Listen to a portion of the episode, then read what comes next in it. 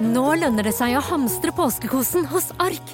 Ark inviterer nemlig til påskefest med skremmende bra nyheter, pocket fra 99 og 40% på alle spill og puslespill. Ark-påske betyr rett og slett mye påske for pengene. Så fyll opp med påskens favoritter i nærmeste Ark-butikk eller på ark.no. Bli med inn i hodet til John Ausonius. Bedre kjent som Lasermannen. Han nøt å se seg selv på nyhetene, men han var ikke fornøyd. Han skulle jo drepe. Det samme året skulle han skyte to mennesker til, før han omsider oppnådde målet om å drepe. Hør på innsiden av Psykohoder med Jonas Alf Oftebro og rettspsykolog Susanne Nordby Johansen. Gratis der du hører podkast.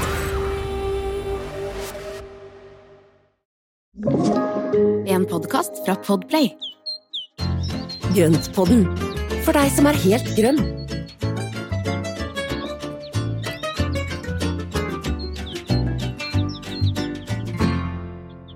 Hallo, alle sammen. Velkommen til Grønnpodden nok en gang med han Espen, ekspert, og med Marianne ja. Også Jeg har- ekspert. Ja, jeg har ikke noe som rimer på EP, holdt jeg på å si. Mm, mm, mm. Ja. Drit i det. Eh, Hva er jeg, jeg? Jeg er en glad amatør. Det er M-en kommer veldig langt inni der, liksom. Men ja, vi sier at det på en måte rimte. Men i hvert fall velkommen til oss. Altså, vi er nå i gang med episode 74. Ja. Her går det unna. her går det unna, og Ja. i dag så skal vi snakke om eh, Vi skal tilbake til naturen, da. Ut i det ville skal Ja. vi i dag. Det skal vi. Ja, Men før vi tar det, så har jeg bare lyst til å si at nå skal Espen komme med tips. Så, som han har erfart eh, på kroppen. Nok en gang. Ja. Ikke gjør som jeg gjør. Det er eh, Ja. Jeg har jo da stått i et lukka rom med da jord og hønsemøkk og leka, altså knust leka og det ene med det andre, potta og planta. I påska så tror jeg at jeg har fått planta og potta om, eh, og prikla, eh, et sted mellom 250 og 300 planter, så det har gått litt unna. Men det som jeg da oppdager, og det visste jeg jo egentlig veldig godt fra før, er at det gammel, tørr jord støver. Hønsemøkk støver. Knust leka, det støver. eh, jeg hadde ikke på munnbind, og jeg har jo gått og hosta og harka siden. Og det, det, det lukter jo jord når jeg hoster. Det er ikke bra. Så, Jeg ser så for meg at det kommer sånn, sånn jordsky. ja, inhalerende noe sånn gressfrø, vet du, så ble jeg liksom. helt grønn innvendig. Nei da, det er fra spøk til alvor. Det er ikke bra. Så altså, dagens tips er jo da ikke, eh, ikke stå i lukka rom når du da blander og roter med gammel jord, eh, og bruk munnbind. Mm. Munnbind er jo noe vi alle har, så det er bare å kjøre på. Ja. Det er mye enklere å komme med munnbindtipset nå enn bare for et par år siden. Ja, det er Mm. faktisk det. Ja. Så det har du sikkert liggende i en skuff eller et eller annet sted, som, eh, sånn i reserve. Så ta på munnbind før du begynner i, eh, i, eh, inni et lukka rom med jord og støv. Alternativet er å gjøre det utendørs. Det er jo veldig fint å gjøre det ute, så når, når været er godt, så er det Mm. deilig å holde på ute. Mm. Ja, men så bra. Det var dagens første av mange tips. Det, stakkars. Jeg håper du blir bedre av det. Det er ikke noe Ja, ja, men det går jo over. Det går over, Ja. min. Men hvis dere hører sånne små diskré hostekuler, så er det Espen. Men du, skal vi snurre i gang? Ja, det skal vi. Du Espen, tema for dagen er altså rewilding, Ja. som vi heter på godt norsk. Eh, Det gode norske ordet. ja, Så ja, hva skal vi si det? Tilbake til eh, naturen? ja. Ja. Temaet er veldig spennende, for det handler jo om, eh, eller det var jo, eller det har blitt en bevegelse i forhold til å da prøve å ta tilbake, eller gi naturen tilbake der hvor mennesket har vært og ødelagt for mye. Mm. Det er jo egentlig det det handler om. Litt mer balanse, slik som naturen egentlig er innretta. Ja. Ikke sant? Og det å la, den, la naturen liksom få lov å ta tilbake litt av, litt av områdene sine. Ja. Derfor vi har jo liksom trodd at naturen, eh, eller planter og vekster og alt mulig sånt, det er bare noe vi mennesker kan styre som vi vil. Mm. Og så har vi gått litt hardt fram. Uh, uten å ha respekt for at det er et ganske intrikat og flott system som på en måte uh, fungerer så godt av seg sjøl, da. Mm. Eh, Og da blir det ubalanse, vet du. Det er jo det som er, og vi skaper ubalanse både her og der. Uansett hvor vi beveger oss og driver og, og roter rundt med naturen, mm, så skaper vi ubalanse fordi at vi forandrer på ting. mm. Den, der, den finjusterte balansen som er i naturen, den er, den er jo Ja, det, vi ødelegger den. Mm. Og derfor må vi heller liksom Vi må liksom på en måte plassere oss inn som en del av, av den, det systemet som finnes, da. Mm. Og på en måte jobbe med naturen istedenfor å prøve å endre den for mye. Um, Og rewilding, som altså da er på en måte å gå litt tilbake til det naturlige, eh, er et begrep det er da engelsk, som dere sikkert forstår. Eh, og det var jo da Utgangspunktet tror jeg var naturforskning, altså det var forskningsmiljøet og naturverngrupper og sånne ting som begynte å snakke om dette her, som vi nå fortalte om, ikke sant, at man eh, ville tilbakeføre naturen til den opprinnelige eh, ville eh, tilstanden, da. Mm. Eh, og så har jo vi tatt det nå med oss inn i hagen. Altså ikke Espen og meg, vi, men Og liksom jo, Jo, vi òg, da. Vi, snakker jo veldig mye om det. Altså egentlig Jo da, det, vi det, også. Ja, og for at det vi også snakker mye om, det er jo dette her at det å skape balanse og gjenbruk og sirkulærtankegangen Mm. som vi snakker veldig mye om, og som vi er ekstremt opptatt av, Mm. det handler jo i bunn og grunn om dette her å la naturen få spille sin rolle, og la den, eh, ja, la den eh, balansen komme mer og mer tilbake. Absolutt. Jeg mente ikke å utelukke oss, Espen, for vi er absolutt Jeg vil tenkte- være med på det. Ja, jeg vet, jeg òg. Men det er liksom vi som Jeg tenkte er mer sånn normale ikke-forskermennesker. Ja. Eh, for det har, det har jo vært en altså, en enorm økt interesse og forståelse for biene og insektenes eh, eh, situasjon. Mm. Og ikke minst den rollen eller den jobben de gjør i naturen. I løpet av de siste jeg vet ikke, ti årene. Altså Det dukker jo opp bikuber hist og her, og insekthotell og alt mulig sånn. Ikke sant? Og så Ja. sånn som med byer også, altså disse bybiprosjektene. Mm. Bybonde, bybier, det er, jo, det er jo en kjempebevegelse i forhold til det å få, få tilrettelagt for, eh, for insektene. Mm. Og her i Oslo så har de jo også laget sånne humlegater med da områder gjennom byen hvor det er beplanta blomster som blomstrer eh, gjennom sesongen. Jeg lurer på om tenker hvis vært en humle, og på en måte liksom opplevd at det var liksom plutselig mer tilrettelagt. Det får jo være så gøy. Ja, Humlerestauranter. Ja, ta seg en liten bytur. Liksom. Stakkar. Jeg vet ikke om jeg ville gjort det som humle, altså, men det Eh, jo, og på grunn av den interessen så har jo stadig flere begynt også å eh, plante med vekster som er bra for eh, mangfoldet, da. mm. Som tiltrekker seg insekter og sånne ting. Ja. Um, Og det er jo det som er med de, de plantene som da blir blomstring gjennom hele sesongen. mm, Og, eh, og gjerne mye av de plantene som blomstrer jevnlig, sånn at vi da har en stor variasjon. For at det, det er jo noen insekter som er veldig spesifikke. De er avhengig av én type blomst for å kunne klare seg. mm, Det er jo det vi ser også, at når da man, man, man fjerner store områder for å lage en åker eller noe sånt, og så fjerner du da en hel haug med én type blomst, som kanskje en liten bietype eller bierase er fullstendig avhengig av. Det er klart at da dør den jo ut. mm. Og det er viktig å vite om det, da, for man kan jo kanskje tenke at ja, men kan de ikke spise bare noe annet, da, som Ja. er i nærheten? Men det fungerer jo ikke sånn. Nei. Men Så da kom du egentlig inn på en av disse punktene for hva vi skal fokusere på når vi vil gjøre hagen vår, eller uteplassen vår, på en annen type uteplass, hvis vi vil gjøre den villere. Mm. Og det er jo da det med ve- vekstene, ikke sant, at man har vekster som tiltrekker seg insekter og sørger for pollinering. Eh, og også da at de, at de blomstrer, som du sier, på ulike tidspunkt, slik at man kan sørge for godt med næring gjennom en hel sesong. Har du noen eksempler på noen vekster som er bra for biene, da, for eksempel? Altså en del vekster som, eller en del blomstrende planter som er gode for bier og, og, og pollinerende insekter, er jo de åpne. Det er jo de første tingene vi kan tenke på, er å ha åpne blomster. Sånn at det er lett tilgang til matfatet og til pollenet som sitter i midten. Eh, Så det kan jo være ganske mye forskjellig, men det å ha da helt fra start at man har krokus, altså krokus og tulipaner, er kjempegode matkilder for, mm. for humler og bier. Og så er det jo da å fortsette med da påskeliljer, silda, eh, snøstjerner, alt dette som er av vårblomstring, fordi når da insektene starter opp på våren, så er det veldig ofte at de kommer ut så tidlig at det ikke er så veldig mye mat. Og sørge for at det er en god eh, blomstring så tidlig som mulig. Det er jo det er litt om å gjøre. For at hvis du har det, så vil da de få en god start på sesongen, og så vil de kunne etablere da nye kolonier eller nye bikuber, altså humlebol og bikuber og alt mulig rart. For det er jo disse villbiene også som da Det er jo kanskje ikke større enn en, kanskje en 10-20 bier i, en liten sånn, eh, i et sånt lite bifolk, men de trenger jo mat. Ja. Så, så det å da ha åpne blomster som gir mye pollen, og så at det er noe som overtar. Og når da de første, altså første blomstringen er ferdig, så er det jo litt over på tidlig sommer. Mm. Hva tar vi da? Hva har vi da? Da har vi jo eh, Syriner? ja, syriner, og eh, også etter hvert så kommer sjasmin, og da er det litt sånn større busker og ting som kommer. Magnolia. Magnoliaen. Den er jo en fin overgangsplante der. Mm. Og så har vi jo da en del av disse små staudene. Det er jo disse gule prestekraglignende, tidlig blomstrende staudene. Og vi har julerosene. Ja. Der er jo fine åpne blomster på. Mm. Så, så etter hvert så kommer det jo mer og mer av de. Mm. Og så har vi jo da utover sommeren så er det jo litt andre ting, eh, og da kan vi jo få inn også sommerblomster, og et, hele veien så kan vi egentlig kjøpe også potter med sommerblomster. Mm. Noen type margeritter i forskjellige farger, eller eh, ja. Det er, det er veldig mye å velge på.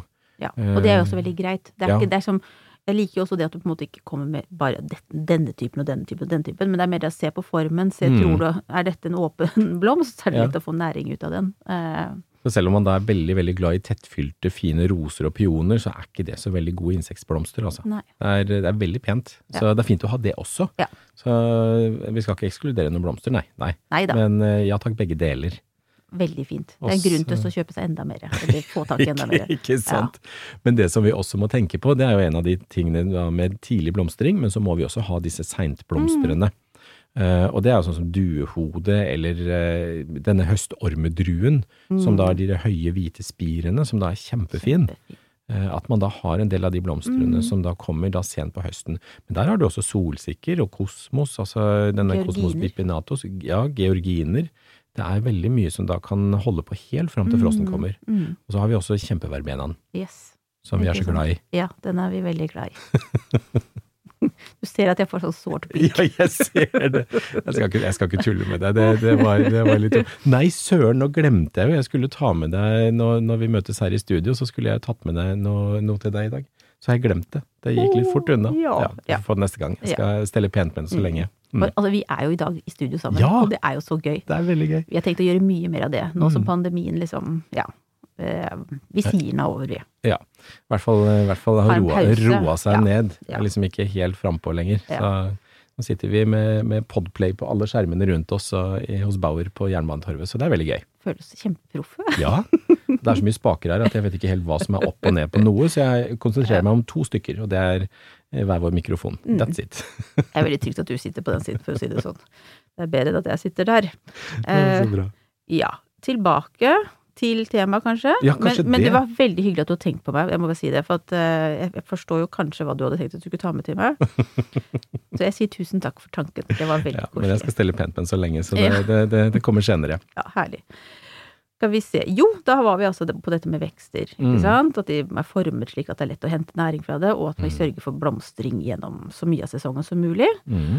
Og så er neste punkt er da mindre plen. Ja. Mer blomster, busker, trær, grønnsaker osv. Fordi Ja. plen er jo en monokultur. Ja. Og det er jo ikke så veldig mye gøy for insektene i en plen. Mm. Det er liksom et, det er jo som en ødemark. På mange Sahara? måter. Ja, så de må jo liksom kravle seg over hele denne plenen. Selvfølgelig så er det masse mikroliv nede i, Mm. i bakken under plenen, og det er jo for så vidt greit nok, men, men for insektene og pollinerende insektene så er jo normalt en plen ikke, det er ikke mye tesse altså. Nei. Det er lite å spise der. Mm. Så, så derfor så er det om å gjøre å liksom fjerne en del av plenen og, og lage bed, eller få inn da andre elementer i plenen som da, eller ja, Mm. få mindre plen. Og i tillegg så blir det mindre å klippe. Det er mindre jobb, Ja. mindre vedlikehold. Mm. Så det er veldig fint også. Jeg har jo da fjerna veldig mye plen, så jeg har laga dam, og jeg har laga bed, og jeg driver Altså, jeg spiser meg innover, så til slutt så Mm. altså, kan jeg gå bare rundt med en liten neglesaks, og så vips, så er plen tatt på ti minutter. I morgenkåpe og tøfler, sa jeg da. Ikke sant? Så mindre plen. Mindre plen. Uh, jo, også en annen ting man kan tenke på når man vil være med på å rewilde, er klatreplanter og Ja. insekthotell. Ja. Fordi det gir jo eh, dyrene bosteder. Mm. Mm. Og det er, jo, det er jo en av de tingene som også gjør det derre frodige, rause uttrykket i en hage. Ja, det her er jo hyggelig for oss også, alle Altså, Ja, disse punktene her. Vi er liker jo ikke. Nei, så det, altså dette her liksom, det å skape gjemmesteder og skygge og le når det er ruskevær, altså alle disse tingene, det gjør at du, du, får, eh, du får mye mer, eh, mer hygge i hagen. Ja. Og det gjør jo både for folk og for insekter. Det er en fin bieffekt. Ja. Ka-ching! Altså, vi har jo snakket masse om klatreplanter og sånn før, nå kommer jeg ikke akkurat på hvilke episoder, for jeg tror vi nevner det Ja, stadig vekk. opptil flere Ja, ganger. men vi er veldig glad i det, så det, det er noe som, som er en selvfølge. Mm. Og da er du ettårig, så har du altså alt fra disse Cobea og blodbeger. Det er jo to favoritter som, eh, som er superfine. Også veldig insektsvennlige, fordi de eh, Jeg har jo sett eh, humla suse eller hele veien inn i den der blodbegerblomsten. Mm. Kravler seg inn, og så finner den der, roteren seg rundt, og så kommer den ut igjen. Herlig. Og den eh, blomstrer også helt fram til frosten kommer, sammen med kobean. Ja. Så det er jo også to planter som er helt supre. Mm. Og nydelige. Kjempefine. Mm. Ja, også insekthotell eh, er jo også blitt veldig vanlig. Det kan man jo kjøpe ferdig eh, i ulike størrelser. Vi har jo lagd vårt Eller vi. Høres som, Hele som familien sto sammen og gjorde det her sånn. Nei, jeg har lagd Jeg trodde det her skulle være sånn kjempefestlig ting å gjøre sammen. Det var jo ingen andre som var interessert i det. Men jeg, jeg har jo lagd det som står nede i grønnsakshagen. Ja. Tok jeg bare to sånne, tre, sånne gamle trekasser som sto på gården, og så satte Mm. dem oppå hverandre. Eh, og så har jeg stava putta inn eh, ja, litt, altså masse strå og litt Vi hadde noen sånne runde sånne Sånne Keramikk. keramikkgreier. Ja, og så har jeg putta ting oppi, og så har jeg noen ved, altså ved, altså Ja. trebiter. Litt Mm. ymse, da. Og eh, sånn, hva heter det, sånn sagspon. Ja. Altså forskjellig, fordi Sånn at jeg har hørt at eller ja, sånn. ikke Ja. sant? For at man skal ha litt forskjellig, for at insektene er jo ikke like. Det er ikke alle som liker seg i høvelflis, noen vil gjøre det på en annen måte. Mm. Man skal liksom sørge for litt ulike typer rom, da. Du har alt fra juniorsuiten ned til enkeltrommet. Fantastisk. Det er, Ja. jo den, det er jo den luksusvillaen. Ja, veldig. Altså, jeg hadde liksom sett for meg at den skulle bli like fin som den som jeg har sett på Hovelsrudgård og, og Ba- Babylonståren. Uh, er ikke helt der ennå, men altså, det har jo ikke gitt opp. Det kan hende at jeg finner frem noen sånn stikksag og lager noen fine Men den er sånn. under bygging. Ja da, den er jo i drift. prosess, ja. For å si det sånn, det kan hende at det oppgraderes til et femstjerners hotell etter hvert. Enn så lenge så er vi med på sånn, eh, sånn motell. Så bra. Ja, det er, jeg har jo ikke noe, jeg har jo ikke noe sånn der insekthotell, men jeg har laget noen sånne hauger med trekubber. Eh, når jeg da har hatt eh, beskjæring i hagen og sånne ting, altså de tjukkeste greinene som da egentlig ikke går i kompostkverna, eh, men så er de litt sånn små til ved, så har jeg stabla de i små hauger. I kroker og kriker i hagen, og der er det masse liv og røre inni. Så det var kjempegod idé, Espen. Ja, men så bra. Men det er jo ikke, det er ikke veldig pent, så jeg legger det liksom halvveis bakom busken min, og Men- bitte små vedstabler. Gjestene bryr seg ikke om hvordan det ser ut. Nei, nei, nei, nei. Og det er masse liv og røre, og så etter hvert så brytes det jo ned, og da vil jo også det bli næring tilbake til jorda. Mm. Men, eh, men det har vært en veldig fin, eh, fin greie. I tillegg til så er jeg ikke så veldig god på å rydde hagen, for at jeg lar det være mye rusk og rask liggende i hagen gjennom egentlig hele sesongen eh, av plantedeler. Mm. Så du at skuldrene mine bare sank nedover nå? Mm. Jeg syns det er så deilig å høre det. For jeg, er som, og jeg er sikkert ikke alene om det, at vi som, jeg som vokste opp med det at man skal liksom på en eller annen måte ha det ryddig. Så selv om jeg ikke gjør det, og selv om jeg vet, sånn som du sier, så har jeg liksom litt dårlig samvittighet for at jeg er litt sånn sluskete. Mm. For at jeg ikke rydder. Men det er i hagen så er det, så skal man, eh, altså når det gjelder å la plantedeler og rester ligge igjen i hagen, så skal man være sluskete. Mm. Ja, Men det er, altså, det er naturen. Se på naturen. Altså, hva skjer i naturen? Der detter ting ned for hver sesong, ramler ned på bakken, og så ligger de igjen på bakken. Mm. Og så går vi og tråkker på det hvis vi er og går tur i skogen og sånne ting, men, eh, men der, eh, altså så blir det stier. Men der hvor da naturen er urørt, der ligger jo et tykt lag med formulling, altså i Mm. ulike prosesser av formulling, med blader, barnåler, kvister, kongler, alt mulig, og så ligger det da et kjempefint lag, og der er det masse mikroliv, og det er jo det mikrolivet som vi også ønsker å ha tilbake i hagen. Mm. Og det skjer ikke liksom når alt er strigla og helt rent. Mm. Og det har bare liksom bar jord mellom alle plantene, eller, eller altså gud forby, det, altså, hvis man da legger ut en duk, Ja. og så skjærer man et hull, og så planter en plante, og så legger man da bark imellom, Mm. altså det blir jo ikke bra det der greiene der. Det er ikke bra for noen. Nei. Så tilbake, altså rewilding, få tilbake naturen, få tilbake de naturlige syklusene, det tror jeg er Mm. kjempelurt altså. Og det gir mindre jobb, og så er det litt lavere skuldre for oss. Mm. Så blir det penere òg. Ja, Altså, det er hyggelig. Ja. Jeg tror det er liksom noe sånn at vi liksom kjenner det inni oss, at hva som på en måte appellerer Det er en sånn urmenneske i oss som måte reagerer positivt da, på naturen. Mm. Ja, men jeg tror også det. Og det, og det at vi da har, de, har de, eh, den naturlige delen i det. For dette med bark og, og, og fiberduk, det, det gjør jo Altså, det, det skaper jo veldig mye ugreie, og i tillegg så Ofte så har jeg sett det at plantene blir plantet med så stor avstand at det, der, det ser veldig rart ut. Mm. Eh, Istedenfor fjerne barken, fjerne duken, og så plante tettere. Ja. Det vil jo være med på å holde ugresset borte, for eksempel. Mm. Altså plant tett, og sørg for heller et, eh, et mer ja, et mer frodig uttrykk. Mm. Um, Veldig godt punkt. Da går jeg videre på lista vår, jeg. Ja. Yes, Espen. Bare for å ta de to punktene, tre punktene til, som mm, går på dette med rewilding, mer sånn som gode ideer til hvordan man kan få det til, Ja. er jo da å unngå kjemikalier ja. og lage kompost. Ja. Ikke sant? Tenke sirkulært. Ja. Og så er det vannkilder. Om du nå har et lite fuglepad, eller om du har en dam som du har gravd ut, eller hva som helst. For det her tiltrekker seg jo disse som vi har lyst til å ha på besøk for at vi skal hjelpe dem til å få næring og ha det hyggelig. Mm. Fugler, frosker, insekter. Ja. Og dette har jo skapt det mangfoldet, og, da, og det gjør jo også at vi får mindre utøye ofte. For at da har vi mer fugler og mer insekter inn i hagen. Behold vepsebolet hvis det ikke er veldig sjenerende. B- Sett opp fuglekasser. Skap da det miljøet hvor, hvor, flere, hvor flere insekter og flere småkryp kommer inn i hagen. For at da finnes det alltid byttedyr for de minste. Og er så vil det være en sirkulær greie med at de, de holder hverandre i sjakk, på en måte. Mm, ja, det er et veldig godt poeng. Til slutt, dyrk planter som finnes ville i naturen hos deg. Ja. Og dette fører oss til egentlig det andre hovedpunktet i dag, som er altså da blomsterengen.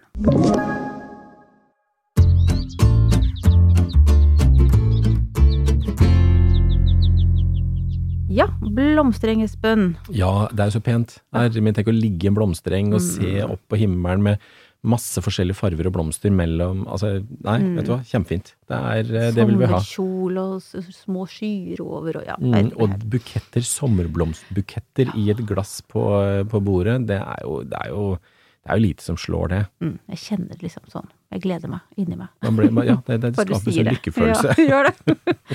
Men det vi tenkte vi skulle komme med nå, da, nå har vi jo vært litt filosofiske kanskje, på en måte. Altså vi har tatt den litt langt ut, men vi har jo ment alt vi har sagt. For mm. det er jo viktig det er sånn, og det er jo viktig for oss mennesker og for naturen vår at vi holder i gang og ikke gjør noe dumt. Mm.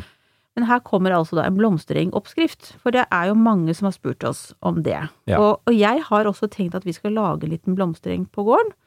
Eh, fordi at vi har jo drivet og, pusser opp uthuset vårt, og da har det jo kjørt med noen sånne gigantiske mm, maskiner over et engområde, men som har vært mest sånn strå og sånne ting. Ja. Så tenkte jeg at der kan vi nå sette i gang og lage en ordentlig blomstereng. Ja, det blir jo kjempefint.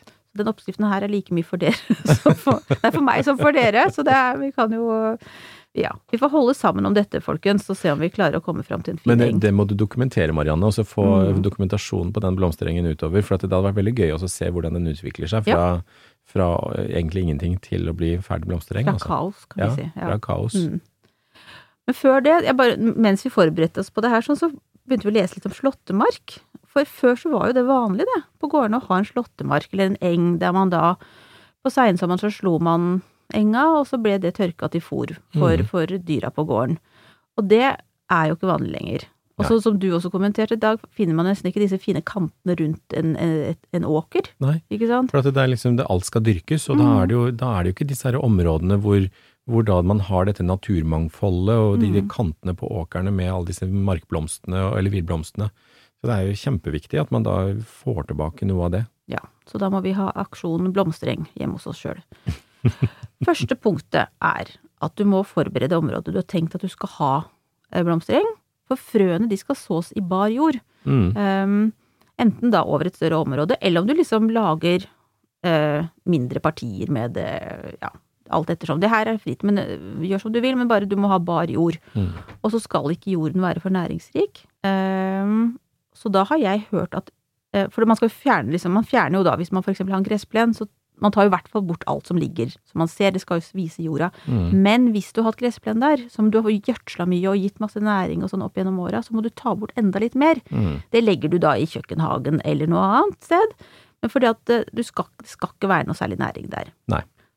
Og det, det med næringa er jo også fordi at hvis da noen da vekster får mye næring, så vil de kanskje overta og for, for, fordrive en del av de andre engblomstene. Mm. Eh, og det er jo For at noen av de er jo ganske sarte i veksten og trenger ja, litt mer tid på seg og kan ikke ha de største konkurrentene helt tett innpå.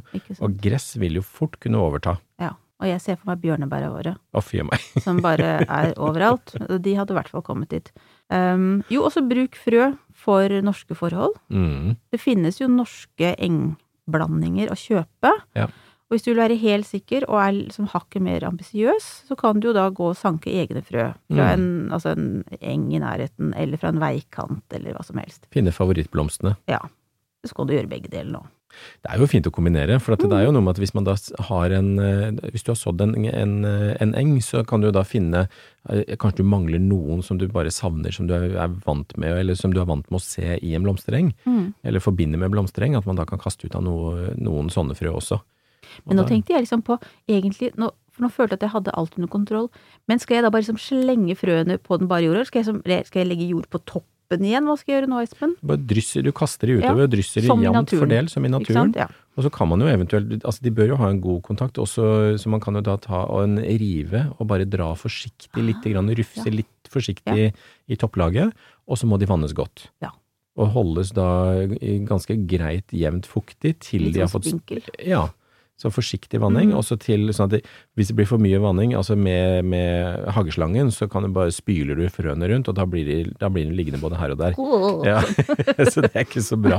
Men ha en god spreder, og så altså vanne forsiktig over, og så la det få lov å, å trekke ned, og så mm. holde det jevnt fuktig Ja. til det har kommet til god spiring. Men man skal ikke dekke det til eller noe sånt, man bare Nei. lar det være sånn. Bare la det være. Sånn i naturen. Ja.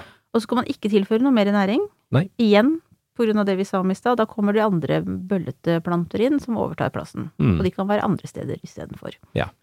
Så det er jo da, det skal være litt mager, og gjerne litt sånn sandblanda jord ofte, sånn at med Mm. sånn litt mager jord, som da er godt drenert, og som da de kan eh, få lov å kose seg. Mm. Og så skal man da altså, det er jo ganske vedlikeholdsfritt når man har fått den i gang. Mm. Da slår man da engen på sensommeren. Men, og så snakka vi om det, vi måtte jo få, få liksom frøene ned i jorda igjen. Så Ja, da tenkte det- vi at da bør vi rufse litt i gjenga først. Ja, og riste, rist, riste litt og holde Ja. på, men, men det å kanskje da vente med å slå til blomstene er eh, at de har satt frø. Ja. Eh, Sånn at man ikke fjerner da de nye frøene som vil kunne da gi ny, altså ny, nye planter Mm. og uh, ny blomstring.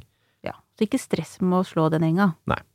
Så det blir sensommer, men det handler jo egentlig litt om å slå for å fjerne det plantematerialet, Mm. slik at det ikke blir så veldig mye næring i den jorda, der Mm. hvor den blomsterengen er. Så man, det bærer man bort til kompostbingen. Ja.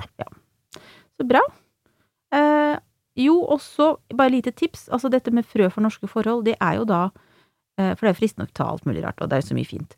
Men tenk på at de kanskje er litt mer hardføre, så da gir det jo også da eh, Og også er tilpassa insektene som lever her. Mm. Så at det, det er lurt å på en måte holde seg til det. Og du Ja. vil jo gjerne ha en eng som kan, kan ha et godt liv, da. Ja.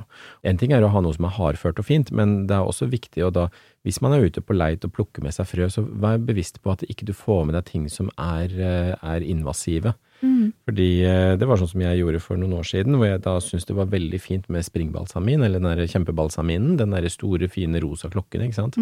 Sådde den i hagen, og, at, og det var før jeg visste at den var invasiv og absolutt ikke skulle spre seg. Mm. Og den har jo titta opp i 10 år etterpå, 15 år etterpå. Så det var et av de første årene i hagen hvor jeg tok med den inn. Og, og den, heldigvis så er den veldig lett å luke bort, for at den, eh, altså planta dør jo hvert år, så det er bare frøene som overlever. Så etter hvert så er det bare noen små planter igjen, for at rota er veldig lett å dra opp. Mm. Men uh, sørg for at du velger ut frø hvis du plukker i, i naturen.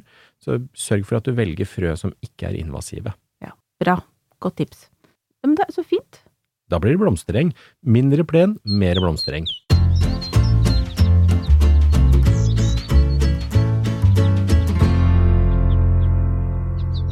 Over til de faste punktene. Altså, jeg føler meg alltid liksom som en sånn, jeg vet ikke, sånn styreformann eller jeg vet ikke hvem som kan Da er det vedtatt. Ja, litt sånn. da. Nå er vi liksom litt over så på litt sånn mer sånn offisielle, holdt å si, litt mer formelle. Men altså, vi har jo da disse faste punktene, og vi vet at dere syns også det er litt gøy at vi har dem, så vi, det gjør vi òg.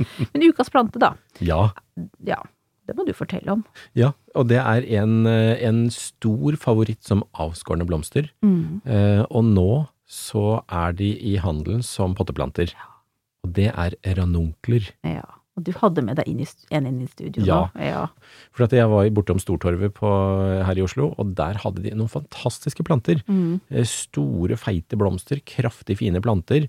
Og ranunkelen er jo en, eh, en plante som tåler litt sånn kjøligere tider. Altså den tåler nesten ned mot minusgrader. Ikke mye når de er kommet i god vekst, men eh, de tåler ikke å overvintre ute, for de tåler ikke frosten. Mm. Men de har da knoller nede i bakken som man da kan ta vare på, og så kan man plante de opp neste år.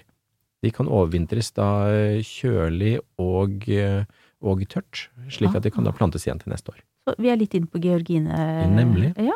Og det er litt morsomt, så man kan jo kjøpe da ranunkelknoller eh, tidlig, tidlig på våren eller på høsten, og så kan man da plante de da i potter på våren, slik at man da kan få dyrket fram selv. Gud, så kult. Altså, det visste jeg ikke noe om i det hele tatt. Nei, det er veldig gøy. Supert. Jeg Ja, det er elsker kjempe- også det, men jeg syns også mine bare Jeg Og det kjø- finnes jo så mange typer. Ja, de er så vakre. Jeg har jo da egentlig aldri prøvd det som særlig annet enn som snitt. Og de er jo litt Jeg tror ikke de egentlig trives så veldig godt inne i varmen. Nei, ikke så veldig godt. De står mye bedre ute, og har du de Mm. ute nå, eh, altså fra våren, sånn april måned, eller slutten av april, så står de egentlig nesten fram til sankthans. Så mm. med blomstring, altså hvis du Ja. har en god kraftig plante Ja. med mye knopper, så står den lenge, altså. Så sett den der gjerne sånn halvskygge, jevnt med vann og fuktighet og litt gjødsel innimellom, så, så holder de i gang. Og de blomstrer masse. Mm. De er så fine. Og veldig fin den du hadde kjøpt. Ja, jeg liksom lurer på om jeg bare skal ta en liten tur opp der. De hadde flere. Ja. Kjempefin. Men det er, eh, ranunkel er eh, kjempefin som snitt, eh, og står veldig godt i vase hvis du har en ren vase. Lite vann i vasen, for at de, de råtner fort i stilken. Ja, for de er litt litt sånn myke i stilken, egentlig. Nemlig. Mm. Så de, altså får du vann høyt opp på stilken på dem, så er det fort at de råtner. Så som snitt, lite vann i vasen, bytt gjerne vann hver tredje dag. Eh, og da står de ofte en, eh, mellom én og to uker. Såpass, ja. Mm, de står faktisk veldig lenge. Du ser at jeg er i sjokk. Det Ja, har jeg aldri jeg fått til. Lite vann i vasen, Mm. rent vann. Ja. Og så er den da veldig holdbar som potteplante. Ja. Og nå er den helt i, i sesong, og det er bare Jeg elsker sesonger og sesongblomster. Når de Mm. kommer, så er de så fine og kraftige. Mm.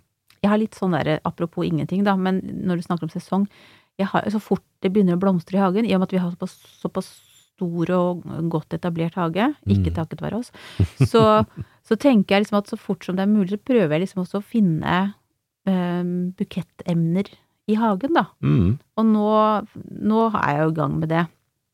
Og det er så gøy. Det er kjempegøy. Det er deilig med sesong. Ja, men det er det. Og det er jo en av de tingene som eh, når jeg jobber med blomster, er at, eh, at jeg ble litt lei meg når da sesongen er i ferd med å viskes ut, med at Mm. tingene kommer året rundt. Ja. For det er noen, det er noen blomstersorter som jeg syns er veldig fine at det er i sesongen. Og når de da får de året rundt, så er liksom, da mister man litt av sjarmen, egentlig. Jeg tror vi bare må venne oss til det at ting skal ikke være alltid Nei. Altså, livet i seg selv er jo forgjengelig, liksom, så hvorfor Ja. vi driver hele tiden og streber etter at vi skal ha alt. Ha Hele alt tiden. hele tiden, det er bare tullball. Ja. Nei, Ja. vi må, ha, vi må ha litt mer styr på det. Vi Mm. må ha sesonger. Det er Mm. viktig, det. Absolutt. Over til ukens spørsmål, hvis ikke du hadde noe mer på hjertet? Nei da. Nei, vi tar det. Ikke noe annet enn bare løp og kjøp. Ja, ikke sant. Eh, jo, blomster eh, på konfirmantbordet. Ja. Noe som ikke virker så opps... Altså, jeg regner med at det er sånn ikke så styla, da. Som liksom passer til konfirmanten. ja. Eh, har du noen tips? Jeg har også et tips, men det er bare er basert, jeg, har ett, jeg har ett tips, for det er basert på egen erfaring. Ja, men Så bra. Nei, det er, jo, altså, det er jo veldig stor forskjell hva man liker. Og det Mm. er jo Jeg har jo fulgt en del eh, både sider og grupper i, i sosiale medier hvor da det er et, altså, det er et hav av muligheter. Mm. Men det er veldig avhengig av hva man eh, liker, og hvem da konfirmanten er. Er det gutt Mm. eller jente? Og litt sånn hvordan er de som typer. Ja. Men ett tips er jo da å bruke masse små vaser og glass. Og så sette da småting utover bordet, for det gjør at det sånn, kan være litt mer tilfeldig. Eh, bare samle en stripe, kanskje en 10-15 cm på midten av bordet, og så sette ulike, og gjerne forskjellig. Eh, små telysholdere, små glassvaser eh, i forskjellig, eller flasker, eller Mm. små gamle kjøkkenglass, eller hva det måtte være. Så sette det litt sånn, gjerne i litt, eh, litt ujevnt utover, og så begynne å sette inn blomster. Mm. Putt inn. Fyll inn vårblomster, eller da det som er for sesongen. Og har du en hage hvor du kan gå ut og plukke, så er det bare å plukke. Og fyll inn også godt med grønt. Ja. Og bruk lysegrønt, mørkegrønt, matt og blankt. Ja. For Ja. da har du kontrastene som da kan være liksom grunnlaget, og så kan man stikke blomster innimellom det etterpå. Mm. Da står blomstene også mye finere hvis de har det grønne å lene seg på. Ja, det er et veldig godt tips. Det er mye enklere å få til en pen, eh, et pent arrangement hvis du Mm. på en måte lager det, støtte, støtte, støtteapparatet rundt. Ja. Og et arrangement er egentlig et veldig fint ord for det. Det, at det, er, det blir jo et blomsterarrangement. Mm. Istedenfor å da begynne med dekorasjoner og styr og, og, og binde buketter, så er dette her en mye enklere måte å gjøre det på. Mm. Og dekorasjoner skal vi jo ikke lage noe særlig av, for vi skal jo ikke bruke så mye oasis. Nei, vi skal heller bruke en fakir, Ja, eller noe sånt som vi liker. men det var hva tipset ditt? Jo, altså det her er jo da hun som absolutt ikke klarer å binde en bukett, eh, som kommer med tips. Jeg, jeg tror, altså jeg hadde ambisjon om at jeg skulle lage buketter først, men jeg forsto raskt at det ikke gikk. Nei, altså det her var da eh, en del år siden, for det her var eldstemann sin konfirmasjon. Mm, Det er 17, syv, ikke 17, syv år siden, Ja. kan det være. I hvert fall, og da, eh, og det var på, var i september tror jeg, var på, i hvert fall på sensommeren, eller Mm. sånn, ja. Og det jeg gjorde da, var at jeg hadde kjøpt eh, solsikker. Ja. Eh, og så tenkte jeg at jeg finner litt annet rundt om i naturen. Så da satte jeg meg på sykkelen på morgenen, og så dro jeg rundt og plukka jeg liksom med meg Jeg tror jeg tok med litt altså sånn eh, bringebærgrener. Ja, bringebærgrener Ja. er kjempefine. Og så tror jeg kanskje det var noen sånn nypegreier. Altså, det var ymse mm. som jeg plukka med meg. Og så hadde jeg jo da disse stjernene, liksom, som var de gule eh, solsikkene. For jeg tenkte at det for meg er litt sånn uformelt, og Mm. kan passe til en gutt, liksom. Sånn. Jeg spurte ikke, det syns jeg også egentlig er et tips, man kan gjerne spørre konfirmanten hva de liker, hvis de er interessert i det. Eh, og så hadde jeg bare x antall glassvaser, og så prøvde jeg da som sagt først å begynne med buketter, det går jo ikke, så da plunka jeg etter Ja. beste evne. Og det var ganske mye grønt, og det var liksom, det, det, ja, det ble, de ble ganske morsomme Mm. og uformelle. Ja. Passa til han. Men det er bra, og det blir jo sånn frodighet ut av det, og, og det er jo da bringberg... altså villbringebærgreiner. Mm, kjempefine. Det er så fint i buketter, og det, altså det har en sånn For det første så holder de lenge, men det blir også en sånn letthet i det, for at du har de der litt høye bua Mm, eh, grenene som er kjempefine. mm, Og bruk gjerne da de eh, litt Altså sensommeren er veldig fin, for at da har bladene fått liksom tid til å liksom etablere seg godt, og de er litt mer solide. mm. Da, da kollapser de ikke så fort. Nei. Så det er fint. Og så er det også noe annet som er veldig fint, og det er å bruke blåbærris. Altså blåbær. Ja, å ja, det er fint. Den er kjempefin å bruke i buketter. Og det var jo, var jo ikke sånn at jeg bare dro ut på Lykke og Fromme. Jeg hadde jo da, i og med, altså, jeg hadde jo gått tur i naturområdene i nærheten, Mm, så jeg visste jo hvor jeg skulle sykle da. Men, Ja. det hørte, men det var egentlig sånn litt på Lykke og Fromme sånn på den dagen. Det gikk Og det er kjempefint. mye gøy du kan finne i en grøftekant, altså. Det var en veldig hyggelig start på dagen. Ja, jeg tenker sånn at kanskje hvis jeg ikke hadde funnet noe, så hadde det blitt nedtur. Det hadde liksom blitt én solsikke i hver, i hver. Men det, ja, det gikk i hvert fall bra. Men nøkkelen er mye grønt i tillegg til Mye blomstene, grønt, altså. ja, det er eh, ja, mye og mye forskjellig. Ja. Du, hva er det du gjør nå da, Espen? Ja, nå har jeg endelig fått tint opp isen i dammen. Heldigvis, nå ble det Ja, endelig. Nei, det, det ble jo litt grann varmegrader i påska, og så har det vært egentlig veldig Altså, ja, det har vært ganske fint, selv om det er fortsatt ganske kjølig, så, Mm. så har det vært noen gode dager. Isen er borte, så nå skal jeg ta vårstellet. Å, Og det hva gjør du da? er Da tapper jeg ut mye av vannet. Jeg tar og spyler, renser, oh, klipper bort gammelt plantemateriale, fikser og ordner og, og gjør det rent og pent. Står du oppi der med vadestøvler? Ja, det Ja. gjør jeg. Så da er det oppi og, og suse rundt. Det er en ordentlig drittjobb. Det er skikkelig grisete. Men det gjør at da behøver jeg ikke jeg gjøre noe mer med den dammen resten av året. Mm. Nesten. Da, det er den ene dagen i året hvor jeg må gjøre det. Ja. Og så har jeg en lekkasje som jeg må reparere, eh, så jeg må grave og finne den eh, lekkasjen. Det er i et av rørene som går tilbake opp i dammen. Så i fjor så hadde jeg, siste delen av fjor, så hadde jeg da et, et rør liggende oppå bakken, og det var ikke så pent. Så Mm. eh, i år så skal jeg ned og, ja, jeg må grave meg opp. Jeg, jeg, jeg, må, jeg må grave langs med det røret for å finne lekkasjen. så det, oh, gud, det er litt sånn altså. gravejobb. Ja, Men, altså, men altså- det kommer til å bli bra, da. Det blir kjempefint. Jeg er så Mm. glad for at det er du som har den dammen. Men det blir, det blir eh, det er veldig fint når det er ferdig, og da glemmer man litt at det var mye jobb i forkant. Så Mm. det, det er noe med det. Da er belønningen. Og så kommer snart fisken ut. Ja, det er Og da det er det jo veldig stas. Ja, vi gjør det jo for en grunn, liksom. Det er Ja. jo for at de skal ha det fint der, og at alt skal fungere. Ja, ikke sant. Mm. Men du da, hva gjør du? Jo, altså, nå har jeg endelig begynt med så å Altså kampen mot uh, det rotete bedet som går rundt hele gressplenen vår Ja, foran huset. Uh, har jeg begynt nå å klippe meg litt uh, gjennom diverse planter og sånn. mm, så det, nå er jeg sånn liksom fornøyd. Jeg grua meg litt til å gjøre det. ja. Jeg har begynt å dekke litt av, av bedet som jeg snakka om, og ja. Så det går smått, men eh, ja, men det er så viktig å ikke ta alt på en gang. Mm. Ikke ta for mye om gangen, så du Nei, mister motivasjonen. Nei, ta litt sant. og litt. Begynn fra kant. Ja. nå har jeg sett på denne ginkgoen som står rett opp, Ja. og nå skal jeg ta og fjerne litt rundt der, har jeg sett. Ja, men skal dere flytte den? Nei, vi gjør det neste år, for vi må finne, vi må finne en god plass. Ja. Så vi tar også Jeg må fortelle noe om ginkgo. Ja. Jeg har jo tatt ginkgostiklinger. Nei! Jo, det gjorde jeg i, for halvannet år siden. Og den klarte å ja. Og den, ja, for sensommeren for, ja, to, ja, det blir jo da to sesonger siden. Og i fjor så kom de. De hadde klart vinteren.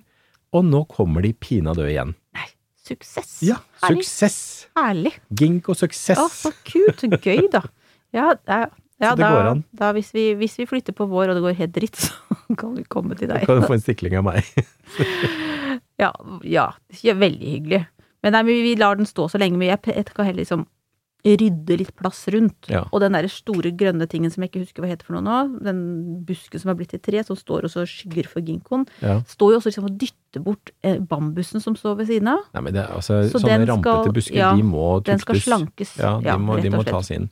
Så det er det som skal gjøres. Og så har jeg så smått begynt å planlegge kjøkkenhagen. Der skal være veldig, veldig lettstelt i år, og bli liksom ting som kan stå der lenge. Ja. Fordi at jeg skal ha fokus på den andre hagen. Men hvitløken, som jeg har plassert i den der drivbenken min, Ja. er jo i full gang. ja, men så gøy. Herlig. Det er, det er bra. Mm. Da, altså, hvis de er i god gang nå, så blir det jo fine hvitløker utover sommeren. Nei, det ble helt herlig. Ja, så moro. Så sånn var det. Det liksom det beste er å se liksom alt det man har gjort før, at det kommer så fint. For det er sånn, det er en sånn lykkefølelse når man da får den belønningen i form av at Mm. plantene liksom strutter og er fine. Ja. Jo, jo, men det er liksom beroligende også. Akkurat sånn, jeg klarer det faktisk. Det går bra. Det blir som å pirke i løvet for å se etter spirer, sånn som jeg driver med. Pirker i løvet og leter etter våren og ser jo. på de tingene jeg planta i fjor. Så nei, det blir moro. Mm. Nei, vi har så mye å glede oss til framover, altså. Ja. Og vi skal også glede oss til neste episode, Ja, faktisk. For det skal handle om hvordan starte med blanke ark. Ja. Mm, og da slett. starter vi med blanke ark, og da tenker jeg prøve å liksom eh, lose oss litt gjennom hvor begynner vi? Hva, what to do? Ja, hvis du er he Altså- altså, helt fersk hageeier, Ja. kanskje du bare har en plen der, eller kanskje du kanskje bygd hus på et sted det ikke er en hage eller en plen i det hele tatt. Ja. Og liksom, hva Kan gjør være du da? en bar tomt. Ja. Ja. Så det skal vi begynne. Og det var også en som ønska seg den episoden. Eh, og så er det flere som har liksom vært litt inne på det samme, så vi tenkte at her lager vi en ordentlig episode. Det gleder vi oss til. Mm, det blir bra. Men det blir veldig bra. Men uh, i mellomtiden så sier vi tusen hjertelig takk for at dere hang med i dag, og, og ja, tusen takk for uh, alle tilbakemeldinger igjen, og gleder oss til neste gang, og takk for i dag. Mm, takk for i dag. Ha det bra.